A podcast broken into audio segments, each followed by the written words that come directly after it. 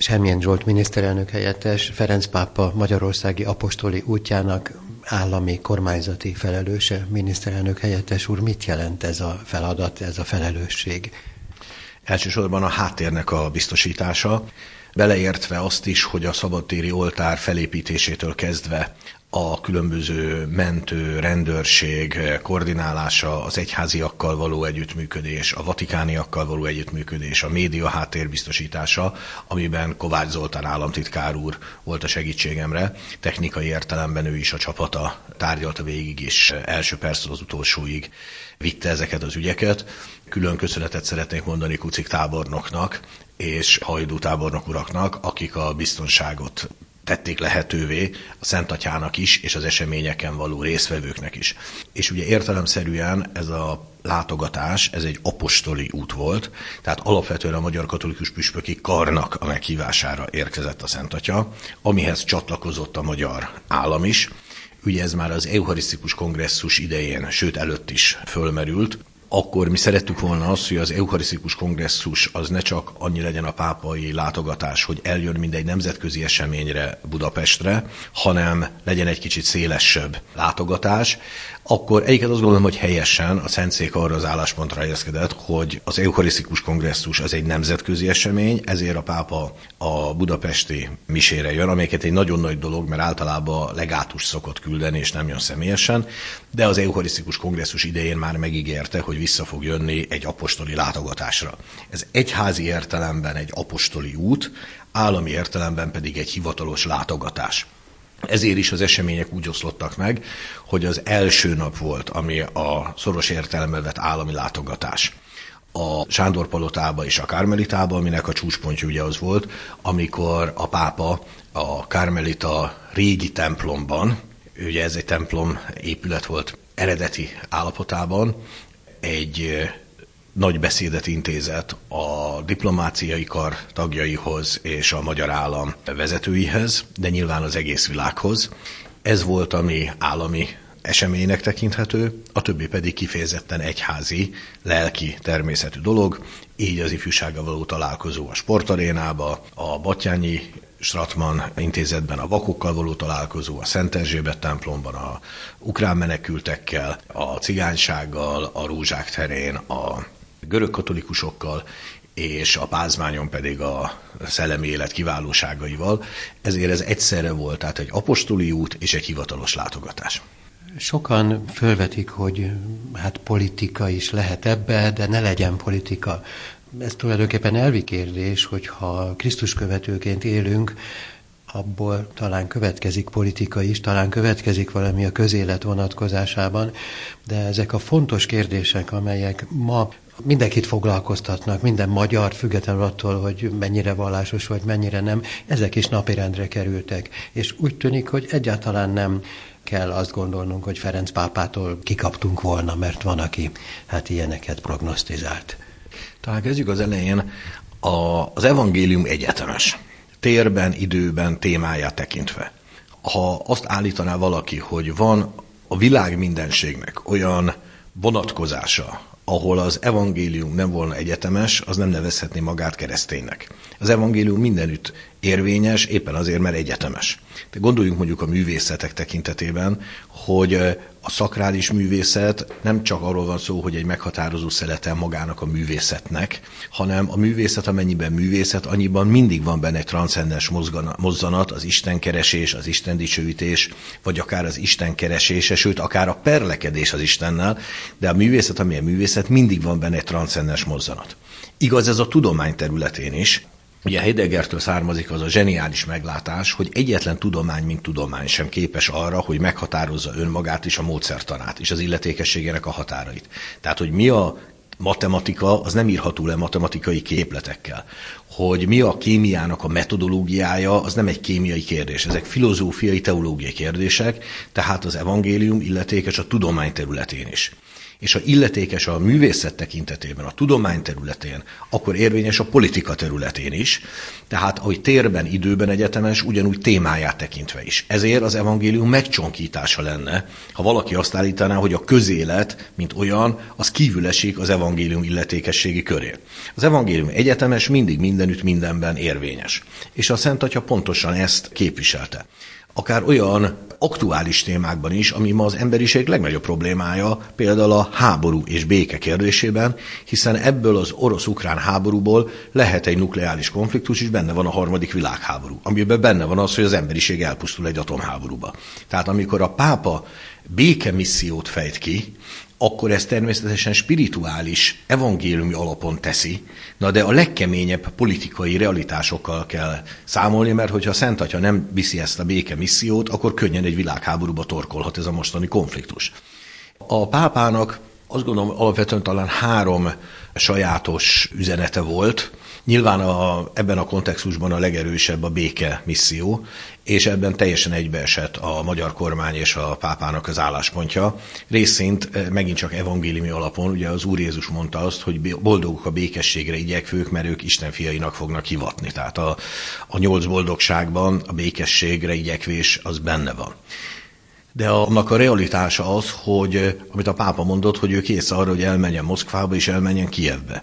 És itt Magyarországon pedig nem véletlen, hogy tárgyalásokat folytatott Hilarion metropolitával, aki az orosz ortodox egyháznak egy meghatározó, nagyon nagy formátumú személyisége, tehát a béke misszióból talán a legmeghatározóbb. De ugyanígy például a családok védelmében való megszólalása, hogy a természet rendje és a kinyilatkoztatás rendje szerint a házasság az férfi és nő életszövetsége, elkötelezett életszövetsége, és a, a gyerekeknek az egészséges fejlődéshez való joga, a társadalomban a család megbecsülése, azok alapvető fontosságú dolgok. Alapápa nagyon keményen és nagyon határozottan szólalt meg.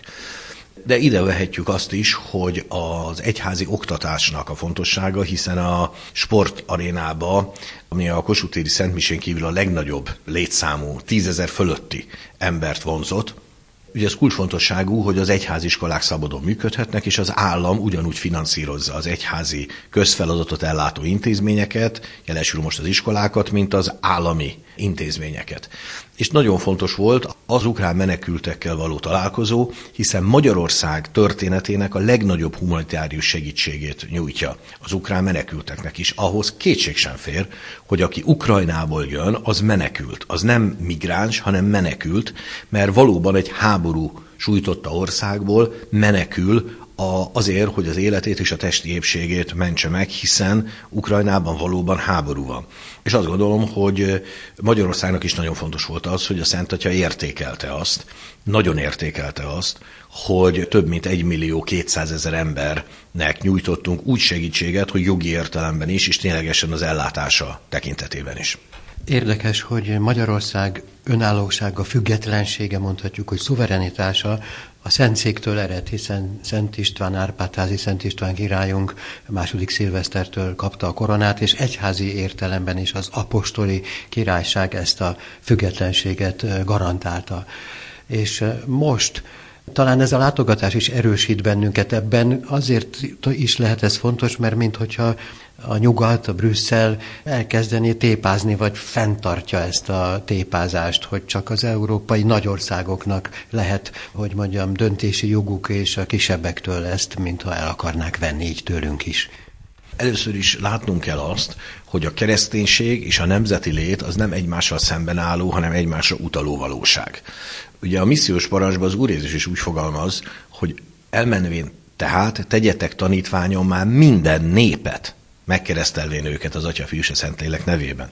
Tehát nagyon érdekes az, hogy minden nemzetet tegyetek tanítványommá. Ez mutatja, hogy a nemzeti lét az egy meghatározó az ember antropológiája szempontjából. És hogy a nemzet és a kereszténység mennyire nem áll szemben egymással, arra a legexplicitebb bizonyíték az, hogy a mai országok és nemzetek többsége, sőt mindegyike, fiatalabb, mint a katolikus egyház. Nincs egyetlen Európai Uniós ország, vagy akár nemzet, amelyik mint nemzet idősebb lenne, mint a katolikus egyház. Következésképpen a kereszténység nem megfojtotta a nemzeti létet, hanem megnemesítésével éppen, hogy lehetővé tette a kialakulását, a fejlődését és a kibontakozását. Különösen érdemes ezt nekünk magyaroknak megfontolni, hogy például arra kérés, hogy miért maradtunk meg. Hiszen mondjuk Attila király birodalma nem volt rosszabbul szervezett, mint a honfoglaláskori magyarság. A besenyő harcosok nem voltak gyengébbek, mint honfoglaló eleink. Az avar kaganátus nem volt rosszabbul megszervezve, mint mondjuk a pusztaszer korában lévő Magyar Törzszövetség. Ők mégis eltűntek a történelemből, mi pedig megmaradtunk. Miért? Azért, mert nekünk volt egy Szent István királyunk, aki a kereszténység örök fundamentumára építette fel a magyar nemzet katedrálisát. Tehát a kereszténység és a magyarság evidencia, hogy nemhogy nem szemben állnak, hanem egymásra utalnak. Na most az Európai Unióval a probléma az, hogy noha az Európai Uniót virtigli kereszténydemokraták hozták létre, Adenauer, Schumann és de Gasperi, de az igazság az, hogy az Európai Unió egy olyan alma, ma, ma egy olyan alma, ami már nagyon messzire elgurult az alapító atyák almafájától. Talán meg lehet úgy is fogalmazni, hogy az Európai Unió ma bűnben él, de nem bűnben fogant. A probléma az, hogy egy évszázadokra visszamenő szabadkőműves mentalitás, majd abból következő különböző elnevezésű, de gyökerében ugyanerre a szabadkőművességre visszamenő ideológia. Úgy, mint a bolsevizmus, a libertinianizmus, az egész mainstream mentalitás két dolgot akar. Eltörölni a nemzeti létet és a szuverén nemzetállamokat, és eltörölni a keresztény civilizációt. Hát az egész iszlám bevándorlásnak a menedzselése és a támogatása pontosan azért van, hogy a keresztény civilizációt lerombolja, mert ha nagy számú muszlim van, akkor már nyilvánvaló fikció az, hogy ez egy keresztény civilizáció lenne Európa, és az is nyilvánvaló, hogy beözönlő muszlim illegális migráció az alapjaiba kezdi ki a nemzeti létet. Ráadásnak olyan devianciákat propagálnak ma európai érték címen, ami egész egyszerűen nem csak a kinyilatkoztatással, hanem a természet rendjével is szemben áll. Tehát azért az nem egy normális dolog, amikor gyerekeknek azt propagálják, hogy változtassák meg a nemüket, és gyerekeknek hormoninjekciókat adnak. Amikor ráadásnak egyébként maga a nem, nem csak a kinyilatkoztatás és a természet rendje alapján adott, hanem biológiailag adott, mert le lehet vágni valamit, lehet plastikázni valamit, bele lehet nyomni annyi hormont, amennyit akarnak, lehet 10 centis szakálai nőnek, de attól még a neme nem változik meg, mert a nem a kromoszómától függ. A kromoszóma pedig lényegében a fogantatás után eldől. Következésképpen a nem nem változtatható meg. Csak példának mondtam arra, hogy olyan devianciákat akarnak európai értéként ránk kényszeríteni, és a gyerekeinkre semmi köze az értékekhez, és semmi köze Európához. Tehát például mi most azon harcolunk Brüsszellel, hogy legalább azt megakadályozzuk, hogy az óvodákban és az iskolákban ne kelljen a gyerekeknek gender propagandát hallgatni Brüsszelből finanszírozott NGO-k által. Hozzáteszem azt mondják, hogy ez ezért van, mert mi ellene vagyunk a nem tudom, homoszexuális közösségeknek, vagy stb. Bocsánatot kérek, a prostituáltak sem menjenek be az iskolába a prostitúció szépségéről magyarázni a gyerekeknek. Egyáltalán nem menjen be senki. Mégpedig azért, mert az én gyerekem én rám tartozik. Tehát, és itt jutunk el megint a Szent Atyához, hogy a természetrendje és a kinyilatkoztatás alapján világossá kell tenni, amit a magyar alkotmány ki is mond, hogy a gyerek nevelése a szülőre tartozik nem pedig mindenféle NGO-ra, akik ráadásnak természetellenes ideológiát hirdetnek, amivel tönkretennék a gyerekeinket. Na most a helyzet az, hogy Magyarország az Európai Unió alapjait jelentő értékeket védi, amit az alapító atyák szentnek és evidenciának tekintettek, a nemzetek sokszínűségét és a keresztény civilizációt. Ma pedig a brüsszeli mainstream pont ezeket rombolja a legjobban. És a Szent Atyának a családok melletti kiállása, a nemzeti létnek az elismerése, ami nem azonos a nacionalizmussal. A kettő között a különbség az, és ez nagyon fontos, hogy metsző élességgel lássuk Isten az égi haza mellett földi hazát is adott nekünk. Ezért valamiképpen az égi hazához is hűtlen, aki a földi hazának a sorskérdése jelöl dezertál. Na most ezért a haza sorsával, a nemzetünk sorsával való törődés az állapotbeli kötelességünk. keresztény szempontból két tévedés létezik. Az egyik, ami tagadja a nemzeti létet, ilyen mondjuk a kozmopolitizmus vagy az internacionalizmus. Ugye ennek a legszélsőségesebb esete Stalin volt, aki azt mondta, hogy a nemzetiségi kérdés vagonkérdés, és megpróbálták átnevelni az emberiséget, hogy csak osztálytudat van, és nincs nemzeti hovatartozás. A másik tévedés pedig ennek az ellenkezője, de ugyanilyen tévedés, amit sovinizmusnak lehet nevezni, amikor egy nemzet az életjog alapján tagadja más nemzeteknek vagy nemzetiségeknek a létezéshez való jogát. Mi keresztény alapon azt mondjuk, hogy fontos a nemzet, mert egész egyszerűen antropológiailag is a természet rendje alapján egy nemzethez tartozunk de minden nemzetnek a léte fontos. Ezért nem vagyunk nacionalisták. Mi nem vonjuk kétségbe egyetlen nemzetnek sem a létezéshez, a fejlődéshez, a gazdagodáshoz való jogát. Sőt, azt szeretnénk, hogy minden nemzet, beleértve a saját nemzetünket is, minél jobban kifejlődhessen, az értékeit megőrizhesse és föl tudja mutatni, mert ezáltal gazdagodik az egész emberiség. Sok fanyalgást is hallottam a Szent Atya látogatásával kapcsolatban, még katolikus ágensektől is. Mondták például, hogy majd a magyar kormány használni fogja, vagy használni akarja a pápát. Én meg a magam köreiben legalábbis azt látom, hogy a pápa hasznára volt sokaknak, és mondjuk hasonlóan, ahogy az Emmauszi úton az apostolok szíve lángra gyúlt Jézussal beszélgetvén, rengeteg ilyen lángra gyúlt szívű emberrel találkoztam, köztük magammal is, akik számára Ferenc pápának ez az apostoli látogatása ezt a lobbanást jelentette. Hogy van ezzel, miniszterelnök helyettes úr? Hát a helyzet az, hogy tapintható volt a Szentlélek. Tehát mi a kereteket biztosítottuk, de a kereteket a pápának, a szentatyának a karizmája töltötte meg, és végső soron a Szentlélek. Tapintható volt a Szentlélek. Olyan embereket is megérintett, akik nem voltak különösebben vallásosak, vagy nem voltak katolikusok, sőt olyanok, hogy nem is egész egyszerűen nem voltak vallásos emberek, mégis megérintette őket ez a pár nap.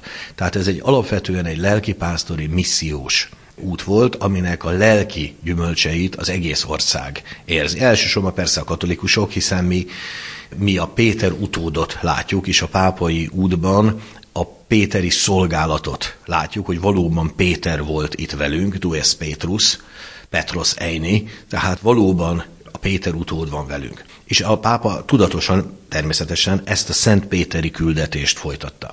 De a nem katolikusok esetében is látható volt, hogy egy lelki megerősödést jelentett, és a nem vallásos emberek is megéreztek valamit abból, amit a Szent Atyának a karizmája sugárzott és tolmácsolt, ami végső soron a Szentléleknek a fuvallata volt ezekben a napokban. Például mondok egy-két esetet. A szervezésnél azért miután elég későn dölt el, két hónappal a látogatás előtt, hogy pontosan mikor, milyen program lesz, és például a helyzet az, hogy a Paplászló Aréna le volt foglalva a P-mobil koncertre ahol tízezernyi jegyet már eladtak, a plakátok kim voltak, hogy szombaton van a koncert. Viszont a fiatalokkal való találkozás az csak szombaton lehetett megoldani. Tehát a P-mobil koncertet át kellett rakni vasárnapra. És és itt szeretnék köszönetet mondani a, a, a P-Mobilnak is, hogy nehézség nélkül, gördülékenyen, egyetlen panaszhang nélkül át tudtuk tenni egy nappal későbbre, ami nem volt egyszerű, és amikor megkérdeztem tőlük, hogy mivel tudjuk ezt meghálálni, azt mondták, hogy örülnek, hogy a Szent Atya szolgálatára lehettek. Vagy például a Fradi Dózsa meccset átraktuk vasárnapról hétfőre, mert azért nem biztos, hogy a metron szerencsés lett volna, hogy az arándakok kicsit keverednek a B középpel, és jobb volt ez így, hogy a Fradi Dózsa meccs az egy nappal később legyen.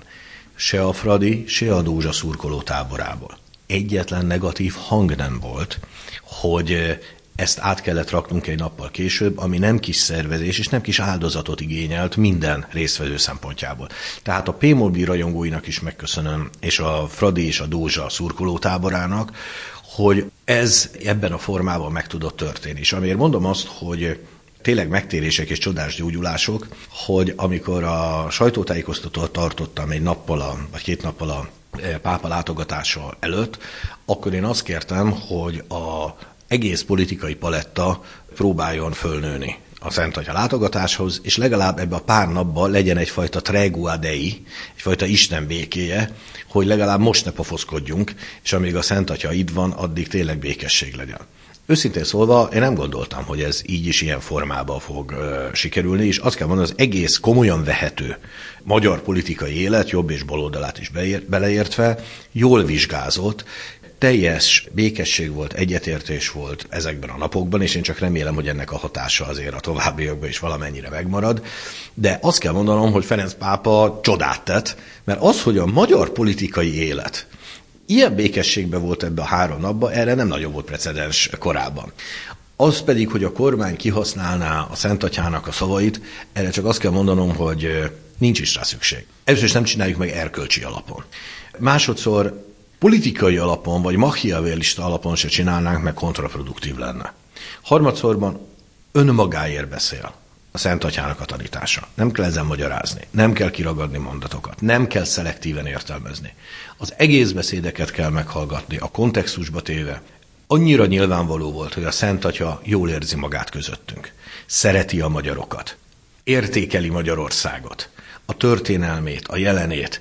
Egyfelől persze nagyon fontos azért, hogy a pápa, mint pápa, természetes, hogy amikor mond egy beszédet, akkor a profétai küldetéséből fakadóan megfedi lelki gyermekeit. És ezt nyitott szívvel, lelkiismeretileg meg kell fontolni, amit a Szent Atya mond mindenkinek személy szerint.